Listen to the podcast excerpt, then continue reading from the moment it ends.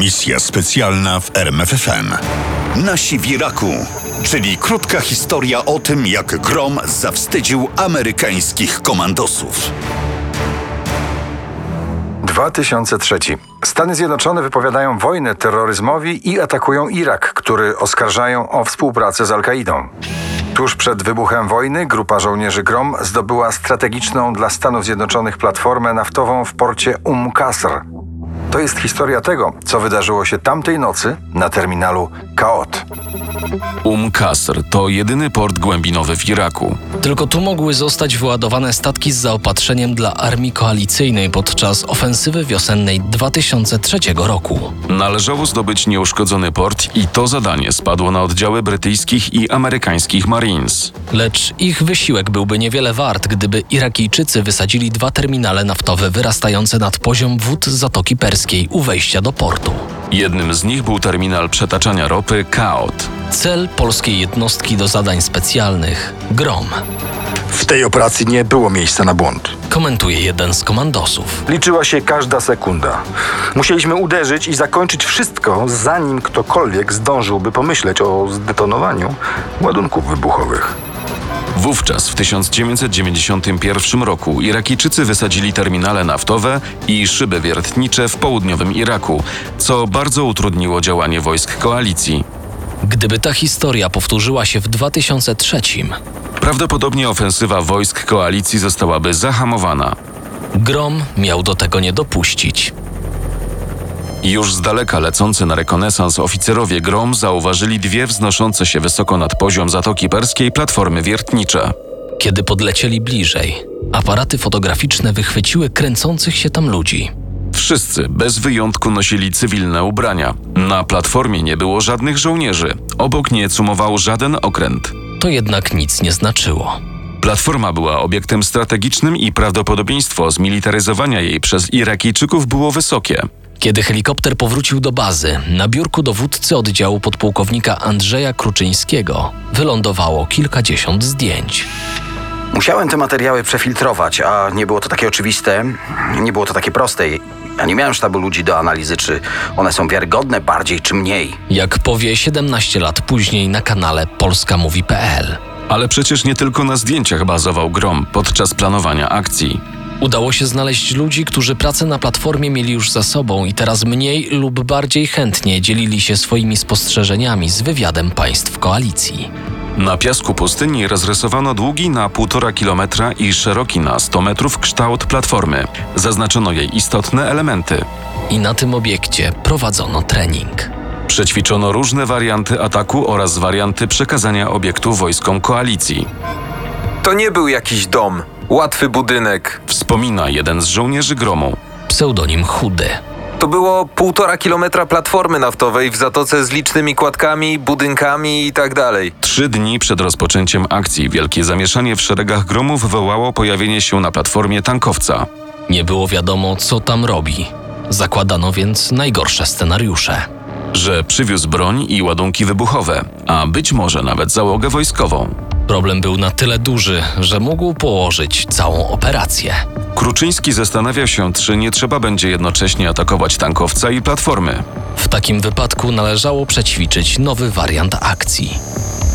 Taki tankowiec to jest miasto przy tej garstce ludzi, którą miałem do dyspozycji. Na szczęście po dwóch dniach rozpoznania nadeszła dobra wiadomość. Tankowiec odpłynął. Ale przez te dwa dni cały czas Grom był gotowy do akcji. Operatorzy w każdej chwili spodziewali się rozkazu do ataku.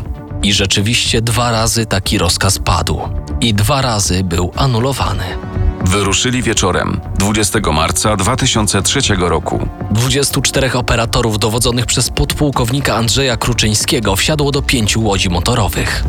Później przesiedli się na ciche pontony, tak zwane ryby, od amerykańskiej nazwy RIB.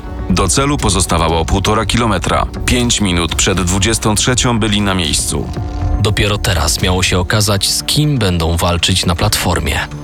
Myśmy byli przygotowani na to, że tam może być kilkadziesiąt osób broniących tej platformy. Na razie trafili na pierwszą pułapkę, zastawioną przez Irakijczyków.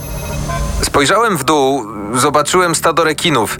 Jak potem wyszło na jaw, karmili je mięsem i stworzyli niezłe stado żerujących dookoła platformy potworów. W zupełnej ciszy, obładowani sprzętem, bronią, młotami, piłami spalinowymi komandosi, wspinali się na linach bądź drabinkach 10 metrów w górę. Kiedy byli już na górze, operatorzy zajęli pozycje strzeleckie, osłaniając snajperów, którzy teraz musieli wspiąć się na cztery przeładunkowe dźwigi, by stamtąd kontrolować przestrzeń platformy. Dystans strzału to jakieś 500-600 metrów. Dużo. Każdy snajper miał swój sektor, swoich komandosów pod ochroną i za nich odpowiadał. Trzeba było bardzo uważać, żeby nie wejść nikomu w sektor, bo można było być wziętym za wroga. Na platformie działali w parach, ubezpieczając się wzajemnie. Na przepompowni nie znaleźli nikogo. Dwa strzały z broni gładkolufowej zmiotły kłódkę bramki prowadzącej do zaworów głównej rury platformy. To ją trzeba zabezpieczyć. Kilka sekund później to zadanie zostało wykonane. Teraz musieli przedostać się po długiej na 200 metrów wąskiej kładce na sąsiednią część platformy. Jeżeli przeciwnik umieścił na niej materiały wybuchowe bądź wycelował w kładkę broń maszynową, mogło być ciężko. Gdyby przeciwnik otworzył ogień, komandos stawiając pierwszy krok mógł tylko liczyć na celne oko snajpera i refleks strzelecki ubezpieczających go kolegów. Nic jednak się nie stało. Nie padł żaden strzał. Jeden po drugim żołnierze Grom przebiegli kładkę i znaleźli się w części hotelowej. Hotel miał cztery kondygnacje i 50 pomieszczeń. Musieli spenetrować je wszystkie. W pierwszym pomieszczeniu napotkali ośmiu zaskoczonych i przerażonych Irakijczyków. Nie stawiali oporu. Stworzyliśmy z zatrzymanych tak zwane żywe tarcze. To na wypadek, gdyby komuś przyszło do głowy strzelać do nas z okien pokojów w hotelowej części platformy. Tak zabezpieczeni ruszyli do następnych pomieszczeń i na pozostałe kondygnacje. Za każdym razem trzeba było torować sobie drogę siłą. Drzwi w tak zwanej części hotelowej wykonane były z grubej blachy. No i praktycznie na każde drzwi, żeby otworzyć i wejść do każdego pomieszczenia, zużyliśmy całą amunicję do shotgunów, czyli strzelb gładkolufowych. I później musieliśmy używać sztyli do cięcia zamków. Kiedy skończyło się paliwo, w ruch poszły łomy i młoty, ale i one w końcu zaczęły pękać. Ostatnie drzwi otwieraliśmy używając elementów z platformy, wyrywając jakieś rury.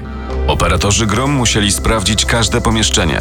To było konieczne przed przekazaniem platformy Amerykanom. Musiało tam być czysto, oczywiście w znaczeniu taktycznym. I było czysto. Wyłapano 40 osób obsługi, w tym 18 żołnierzy, najprawdopodobniej komandosów Saddama, przebranych w ubrania cywilne. Ponadto odkryto broń i materiały wybuchowe. Część z nich przygotowano już do detonacji. Po 40 minutach Kruczyński wysłał meldunek do dowództwa. Kurek zakręcony. Terminal Kaot został opanowany. Zwycięstwo Polaków wedle świadków osiągnięte w krótszym czasie niż akcja komandosów Navy Seals na bliźniaczej platformie oglądali na ekranach monitorów żołnierze i dowódcy w bazach wojsk koalicji. Obraz w relacji bezpośredniej, live, przekazywały helikoptery, które pokazały się nad platformą już podczas akcji. Po powrocie do bazy posypały się gratulacje za perfekcyjne wykonanie akcji, opanowanie obiektu przez zaskoczenie, bez walki i bez strzału. Może to zabrzmi dziwnie, ale naszym zadaniem jest przede wszystkim unikanie walki. Powie uczestnik tych wydarzeń pseudonim Chudy. Oddziały specjalne są po to, żeby zaskakiwały przeciwnika, a, a nie wdawały się z nim w strzelaniny. Misja specjalna w RMFFM. Na tropie największych tajemnic historii.